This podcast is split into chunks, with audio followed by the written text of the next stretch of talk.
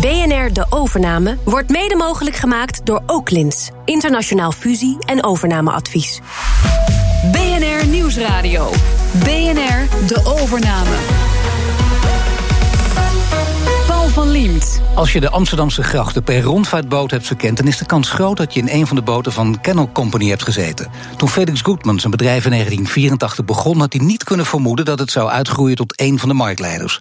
Al jaren waren er kapers op de kust, maar het duurde heel lang voor hij bereid was zijn bedrijf te verkopen. Dit is de overname. Wat mensen aanspreekt in mijn bedrijf is dat het zo'n simpel idee is. Uh, iedereen had het kunnen doen, maar ja, niemand deed. Dan ga je ook niet meteen in zee met de eerste de beste die op je deur klopt. In dat hele traject merkte was, zolang ik het bedrijf heb, zal het mij nooit helemaal loslaten. Uh, want ben ik er gewoon zowel emotioneel als financieel te betrokken bij. Omdat er toen dus met de gemeente nogal wat uh, aan de hand was over hoe gaan we het nieuwe beleid inrichten. Dat ik zei, ja, maar jongens, uh, ik weet niet wat ik aan het verkopen ben, dus stop er maar weer mee. Van niets iets maken, dat is het leukste wat je kan doen voor mij. Inclusief dus opnieuw om vier uur s'nachts wakker liggen van, oh, dit wordt nooit wat. Maar als je het er dan doorheen trekt, ja, dat is zo mooi. Dat is orgastisch. Felix, je begon het bedrijf begin jaren 80 met een paar waterfietsen. Een hele andere situatie toen in Amsterdam en ook in de grachten dan nu, of niet? Ja, je kan je nauwelijks meer voorstellen dat de grachten op, toen gewoon leeg waren. Je had ja. de standaard rondvaartboten en je had woonboten en verder helemaal niks. En ik had een keer een mooie zomeravond uh, op de grachten. Andere geslacht erbij, wijntje erbij, muziekje erbij. Zwoele zomeravond, top. Uh, en toen ik de volgende ochtend weer wakker werd en nuchter was, dacht ik, waarom waren wij de enige op het water? Ja, jij en het andere geslacht, dat klinkt ook romantisch, hè? Absoluut, dat was een hele mooie avond. Hoe kwam je erbij om, om dan in Amsterdam, uh, ondanks dit idee, en je weet, ja, ik ben de enige, om dan toch daar uh, rondvaartboten in te gaan stappen? Nou, we begonnen dus met de waterfietsen. we, we hebben toen, want in, in die tijd dacht ik, ik was net terug in Amsterdam. Ik had in Amerika gestudeerd een jaar en ik kwam terug en ik dacht, wat is dit toch een geweldige stad en kan ik een bijdrage leveren aan mensen weer laten zien hoe mooi die stad eigenlijk is. Want begin jaren tachtig, krakersrellen, leegstand, jeugdwerkeloosheid, een hele andere situatie. Een treurige periode ja, ook. Een, een, verloederde stad. Ja. En uh, dus uh, ik, ik dacht, uh, ik, ik wil graag daar een, een, steentje aan bijdragen. Maar je zei waterfietsen. Je hebt dus niet ook meteen even stiekem tijdens die zoele avond gedacht rondvaartboten. Grootdenkend. Nee, nee, nee. nee. In die, uh, wel grootdenkend. Maar uh, toen dacht ik juist, goh, wat is, het, wat is het toch leuk om actief, zelfstandig die stad te kunnen bekijken. En een waterfiets is dan een geweldig middel, omdat het een uh, niet gemotoriseerd, milieuvriendelijk bootje is. Ja. dus op die manier begonnen. Meteen grootschalig. We, hebben, we zijn toen meteen met 100 waterfietsen van start gegaan op vier verschillende locaties. Omdat ik dacht, dit kan alleen maar werken als je het goed professioneel aanpakt. Nou, dat hebben we gedaan. En uh, de volgende stap is dan de rondvaartboot. Ja, dus uh, we, we waren met die waterfietsen. En ik denk dat wat, wat mensen uh, aanspreekt in mijn verhaal, in mijn bedrijf, is dat het zo'n simpel idee is. Ja. Uh, iedereen, uh, iedereen had het kunnen doen, maar ja, niemand deed het. Nee, maar dat zijn de beste. Dat is heel ja. goed. Tuurlijk. En we waren meteen succesvol met die waterfietsen. Het, ehm, en het, het, heeft toen uh, wel een jaartje geduurd door tussen het moment van uh, bedenken en het moment dat we inderdaad van start konden. Want toen ik de gemeente belde en vroeg: mag je waterfiets in de Amsterdamse grachten verhuren? Uh, werd ik een hele dag doorverbonden. En was de conclusie van die dag doorverbinden: er staat niets op papier over het verhuren van bootjes in de Amsterdamse grachten. Nou, als jonge ondernemer dacht ik: als niks op papier staat, dan mag het dus. En, en ambtenaren ambtenaar, denken, laten we snel iets op papier gaan zetten. Ja. Nou, alle ambtenaren denken, als er niks op papier staat, dan mag het dus niet. Nee. En dat verschil van levenshouding, dat heeft ons wel een jaartje bezig gehouden. Ja. Toch dat, weer wel, weet ja, je, dat cliché is waar. Ja, ja, ja, ja. Maar, en dat is ook inderdaad inmiddels wel helemaal anders. Want inmiddels staat alles op papier over de verhuur van bootjes in uh, Amsterdamse Ja, tot jouw vreugde of verdriet? Nou, het was wel nodig natuurlijk dat er wat. Uh, maar goed, dat, uh, dat is een. Uh, misschien dat we aan het eind van het, van het verhaal daar nog aan toekomen. Want dat is echt het eind van het verhaal. ja. Maar dus, we waren meteen succesvol. En toen, maar rond 1990 zeiden we: ja, oké. Okay, zelfstandig actief is heel leuk. Maar toch, de grote, de grote groep mensen wil toch eigenlijk in een grotere boot zitten. Nou. If you can't beat them, join them. Toen heb ik uh, gedacht van oké, uh, dan grote boten, maar dan wel net even anders dan al die traditionele rondvaartboten doen. En toen ben ik met een hop-on, hop-off uh, dienst begonnen. Kanaalbus, een lijndienst te water. En toen heb ik ook meteen gedacht van ja oké, als, als ik dat nou ga doen, dan ben ik wel met dierenboten bezig. En ik was nou juist met die milieuvriendelijke waterfiets bezig kan dat niet anders? En ik heb toen aan een stagiair gevraagd: goh, uh, zou je kunnen uitzoeken hoe we elektrisch kunnen gaan varen? Uh, Simon Visser was een intelligente stagiair. En die zei: Moet ik uitzoeken hoe we elektrisch gaan varen of moet ik uitzoeken hoe we schoon gaan varen? Ja, schoon natuurlijk. Ja. Uh, nou, dus, hele goede vraag. Hele goede vraag, precies. Uh, echt leuk. En die jongen heeft daar een, uh, een uh, hele zorgvuldige onderzoek naar gedaan. En kwam erachter dat op dat moment, begin jaren 9, 1990, het nog niet mogelijk was om elektrisch te varen met grote boten. Maar dat aardgas wel een heel mooi alternatief was. Aardgas inmiddels natuurlijk ook alweer een beetje beladen. Maar in de jaren 90 nog een super mooie brandstof. Namelijk volstrekt schoon. Uh, 97% van alle viezigheid die in diesel zit, is eruit bij aardgas. Dus wij zijn. Uh, alleen het probleem wat je met aardgas had, was dat de wet het in de weg stond. Want je mag geen gassen gebruiken op schepen. Uh, toen hebben we dus als afsluiting van zijn stage een uh, symposiumpje georganiseerd. ik dacht, god, dan, dan, dan nemen we tenminste serieus wat die jongen gedaan heeft. En gemeente eh, Milieudienst erbij, Gasunie erbij, eh, ministerie van Milieu erbij en ministerie van Verkeer en Waterstaat, de mensen die in de weg stonden. En tot mijn lichte verbazing en grote vreugde um, kwam dus uit dat symposiumpje dat iedereen zei: Nou, Gasunie zei, ik, wij leveren de techniek wel. En uh, gemeente zei: Nou ja, wij kunnen er wel zorgen dat die boten volgetankt kunnen worden. En Milieudienst zei, of Milieu, het ministerie van Milieu zei: Nou, dan kunnen wij wel een uh, demonstratieproject financieren. Toen ging iedereen naar het ministerie van Verkeer en Waterstaat kijken. En die konden toen eigenlijk niks anders meer dan zeggen: Nou ja, oké, okay, dan gaan wij een ontheffing op de wet geven. En dat is een mooi ondernemersverhaal hoe je het zo hebt aangepakt. Ja. Maar ook deze stagiair die een grote rol speelt. Ja. Heeft u er later nog wat aan overgehouden? Uh, we hebben een hele goede relatie eraan overgehouden, absoluut. Ja. ja. Maar ook financieel? Voor deze stagiair? Uh, ik denk dat we hem toen gewoon een uh, hele mooie eind, einde stage bedankt hebben gegeven. Ik denk niet dat die. Want het was, voor ons was het financieel niet aantrekkelijk. We aardgas, op aardgas varen was duurder. Nee. Alleen, maar vraag het vooral omdat het uiteindelijk, ja. zo'n grote sprong maakt, uiteindelijk een heel groot bedrijf geworden is. Uh, 350 mensen het werken ja. uh, ongeveer. Dan het Zweedse Stroma neemt het uiteindelijk over. Ja. Uh, maar waren er in die tijd, want dat zingt zich natuurlijk rond, hè, van die man is succesvol met zijn grote bedrijf, marktleider in de rondvaart op de Amsterdamse grachten. waren er eerder partijen in de deur kloppen? Jazeker. al in um, zeg maar halverwege jaren negentig kwam Holland International, Travel Unie, kwam bij ons op de deur kloppen. En daar zijn we toen serieus mee in gesprek geweest. En zeg maar, een van mijn beste. Hè, de, toen was het idee dat uh, Travel Unie uh, uh, was zelf net enorm aan het groeien met overnames. En ze nodigde ons uit om ook overgenomen te worden. En dan zou ik de leiding krijgen van een, van een groot deel van het bedrijf. En ik denk dat het een van mijn betere beslissingen is om dat niet te doen. Waarom? Omdat ik niet pas in een corporate omgeving. dus ik, ik zou daar doodongelukkig zijn geworden. Maar Ongeacht hoe prachtig die corporate omgeving is. Hè. Ik bedoel, ik, dat ligt aan mij en niet aan je moet naar jezelf kennen. Ken jezelf heel belangrijk ja. in het leven natuurlijk. Maar ken jezelf, daar heb je vaak ook. Nou, je noemde in het begin van dit gesprek al het andere geslacht. Je vrouw, heeft die hier een rol in gespeeld? Nou, die, heeft, die is al. vanaf het begin is zij betrokken geweest bij het bedrijf. En altijd een superbelangrijk klankbord. En in, ook in deze afweging uh, is zij zeker een factor geweest. Zij zei, jij past niet in zo'n corporate omgeving en dat weet je zelf ja, ook wel, kom op. Ja, absoluut. Nou ja, we merken in deze hele serie natuurlijk de rol van de vrouw, zeker als het over overnames gaat, over grote beslissingen, risico's die je, echte risico's die je in je leven neemt, dan is dat natuurlijk de rol van de partner heel erg belangrijk. Tuurlijk. tuurlijk. Uh, nou ja, tuurlijk. Ik bedoel, het kan ook zijn dat ze zegt, wacht even, niet zoveel risico's nemen, daar heb ik geen zin in. Ik ben, je, je, kiest iemand niet altijd uit op, op ja, wel of dat, geen risicomijdend zijn. Ja, dat maar daar, daar heeft zij mij. Uh, ik denk dat we daar goed complementair zijn. Daar heeft ze me altijd in vrijgelaten. Zij weet, uh, zij kent mij en weet dat ik mijn risico-inschatting redelijk uh, goed kan doen. Dus het is. er zijn echt etterlijke momenten geweest dat zij dacht, nou, maar me het vertrouwen heeft gegeven van uh, dat moet hij dan maar doen. Maar wat voor momenten zijn dat van nou, dat, dat je denkt uh, het is nu echt alles of niks, letterlijk dat soort momenten?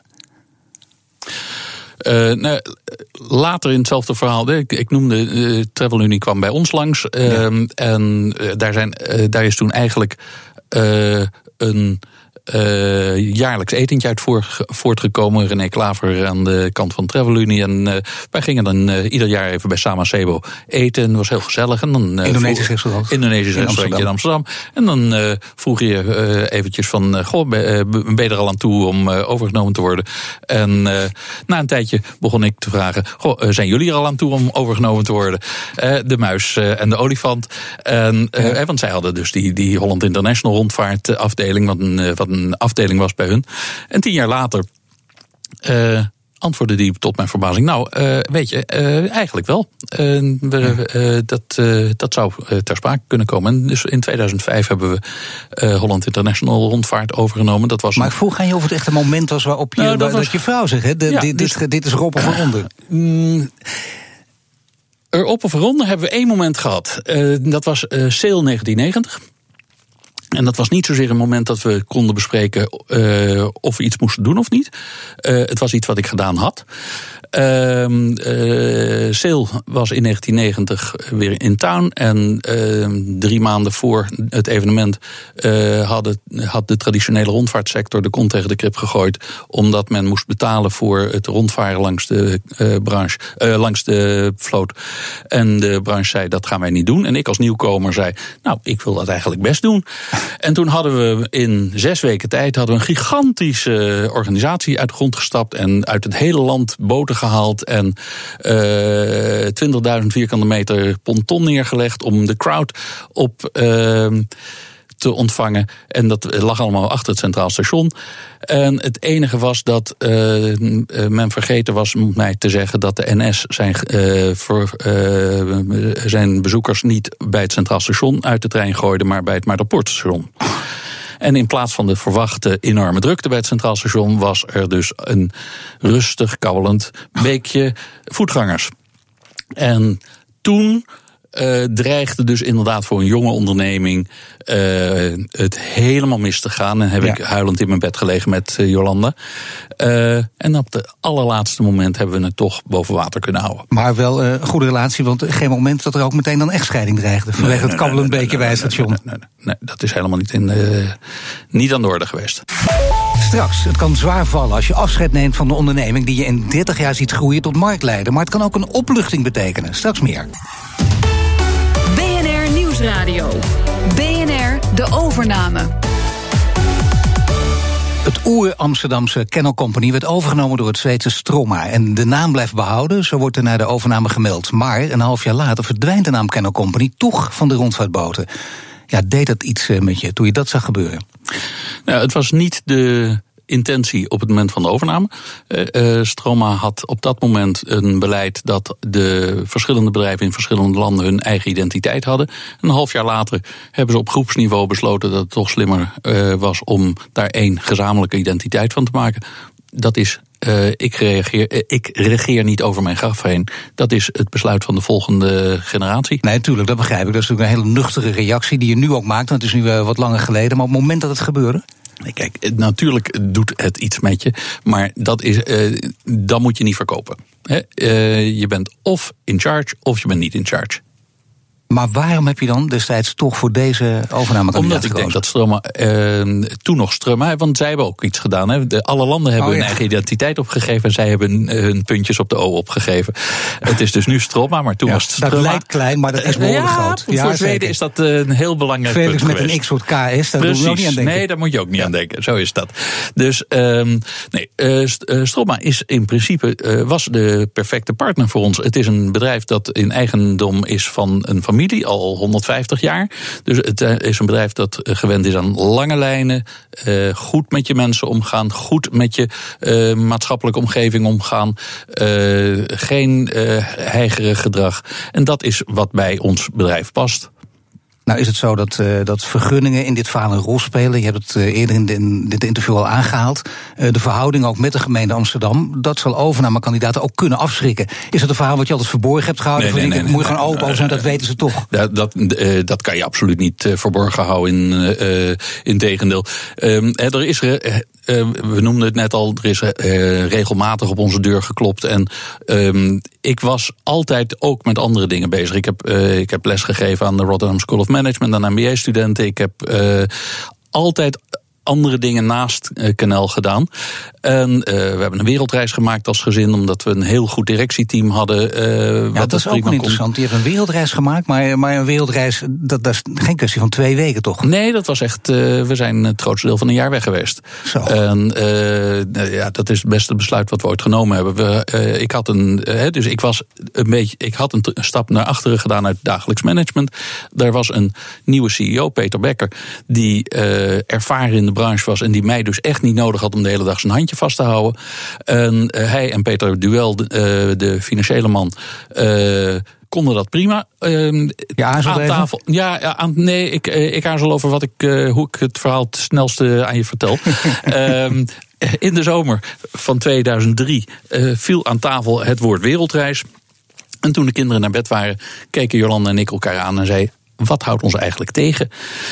En daar hebben we een week over gedacht, wat ons tegenhield. En bij gebrek aan dingen die ons tegenhielden, zijn we toen drie maanden later op reis gegaan. Nou ja, je moet het krachtologisch aankunnen. Jij vooral, denk ik, eh, dat, dat je niet dan toch uh, elke seconde naar huis wil bellen. Hoe gaat het? En we hadden dus een hele mooie regeling. Eén keer per week kreeg ik een mailtje van Peter, uh, waar hij mee bezig was. Wat de tien dingen waren die hem het meest bezig hielden. En dan kreeg hij één keer per week een mailtje terug van me. En dat was het. En dat ging dus prima. Die wereldreis die maak je met je gezin, met je vrouw die veel vertrouwen in je heeft, maar ook met je twee dochters. Hebben die ook alle vertrouwen in je? Ja, ik denk dat dat het uh, mooiste effect is geweest van die wereldreis. Dat heeft ons als team zo sterk gemaakt. De, meisjes waren toen 7 en 9, zijn nu 21, 23. Zijn supersterke meiden geworden. En we spreken elkaar zoveel. Uh, ondanks dat ze alle twee het huis uit zijn, we op dagelijkse basis in contact. Toen wij terugkwamen was dus de bedoeling dat ik op afstand zou blijven. Toen kwam Holland International Rondvaart erbij en vroeg Peter van... goh, ik zou het toch wel weer fijn vinden als je wat actiever betrokken bent in, het, in de directie. Oké, ga ik eventjes doen in die integratiefase. Rond 2008 was dat, leek het weer geïntegreerd. En zei ik nou, na de zomer dan ga ik weer een stap naar achteren. In de zomer belde hij me op en ik voel me niet lekker.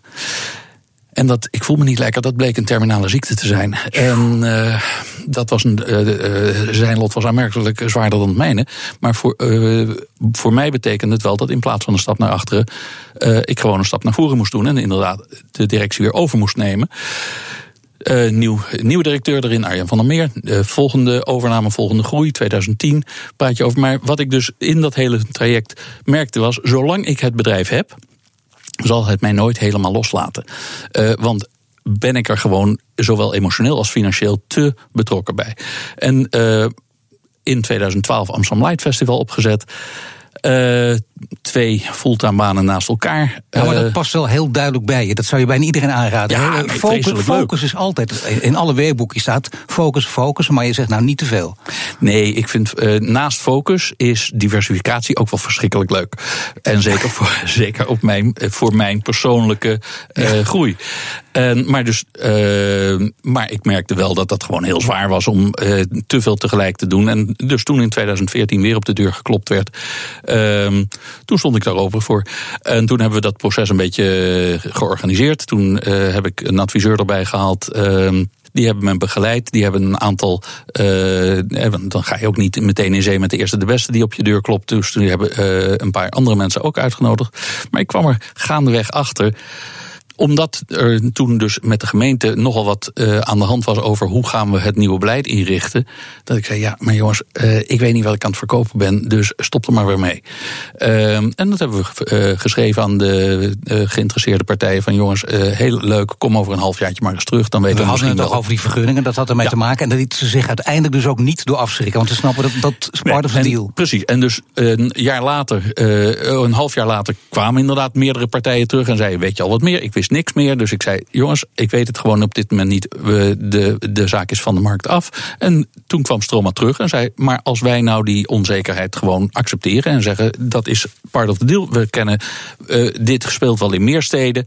En uh, wij kunnen daarmee leven. Nou ja, het is de perfecte koper wat ons betreft. Maar kun dus jij leven met echt afscheid nemen van je bedrijf? Want dat is ook iets wat, wat toch heel groot is. Hè? Sommige mensen raken daar uh, letterlijk van in de stress. Of, of kunnen opeens niet meer, meer goed bewegen, fysiek of psychisch doet het iets met je. Wat is er met jou gebeurd? Ja, nee, ik was daar absoluut aan toe.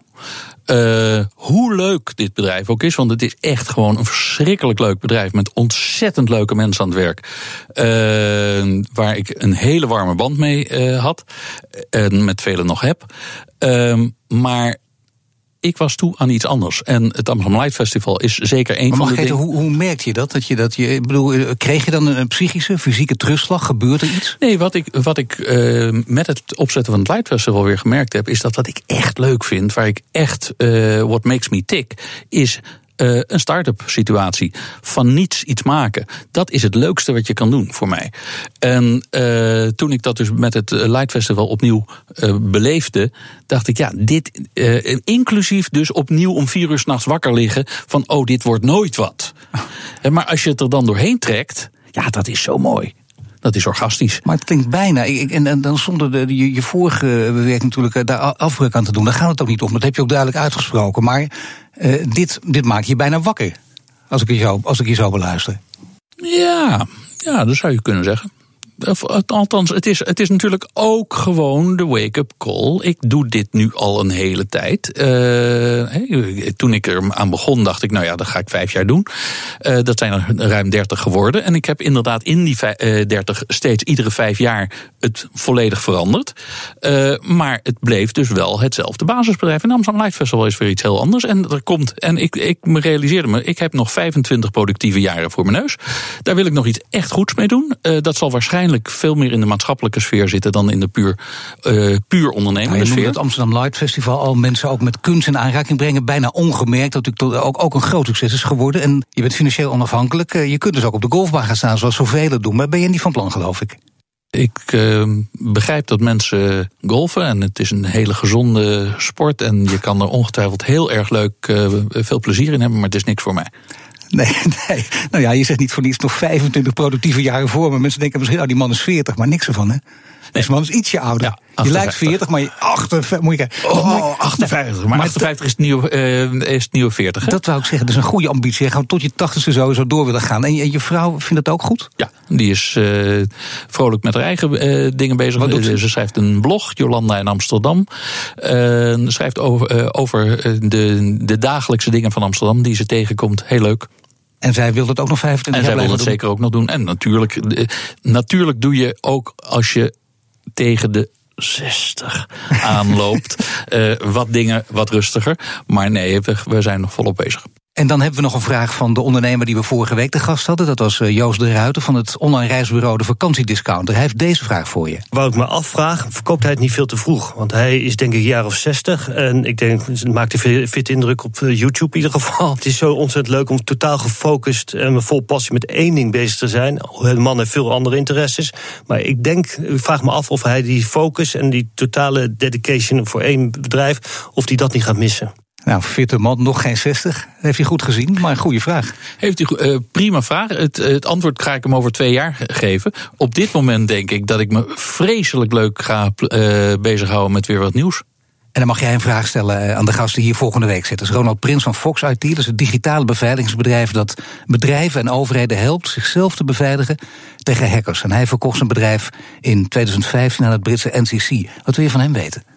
Uh, ik denk dat het interessant is. Wat vond hij de essentiële dingen, de essentiële waarborgen die hij moest vragen aan de koper? Uh, waren dat dingen over de bedrijfscultuur, hoe die die wou borgen, of over de medewerkers, of hoe je met geheimen omgaat? Uh, hij, hij zit natuurlijk op een heel cruciaal punt in de Nederlandse maatschappij. Ik dank je voor dit gesprek. En dit was de overname met de Amsterdamse ondernemer Felix Goedman. De uitzending is terug te luisteren via bnr.nl/slash overname, de BNR-app of stream ons via iTunes of Spotify.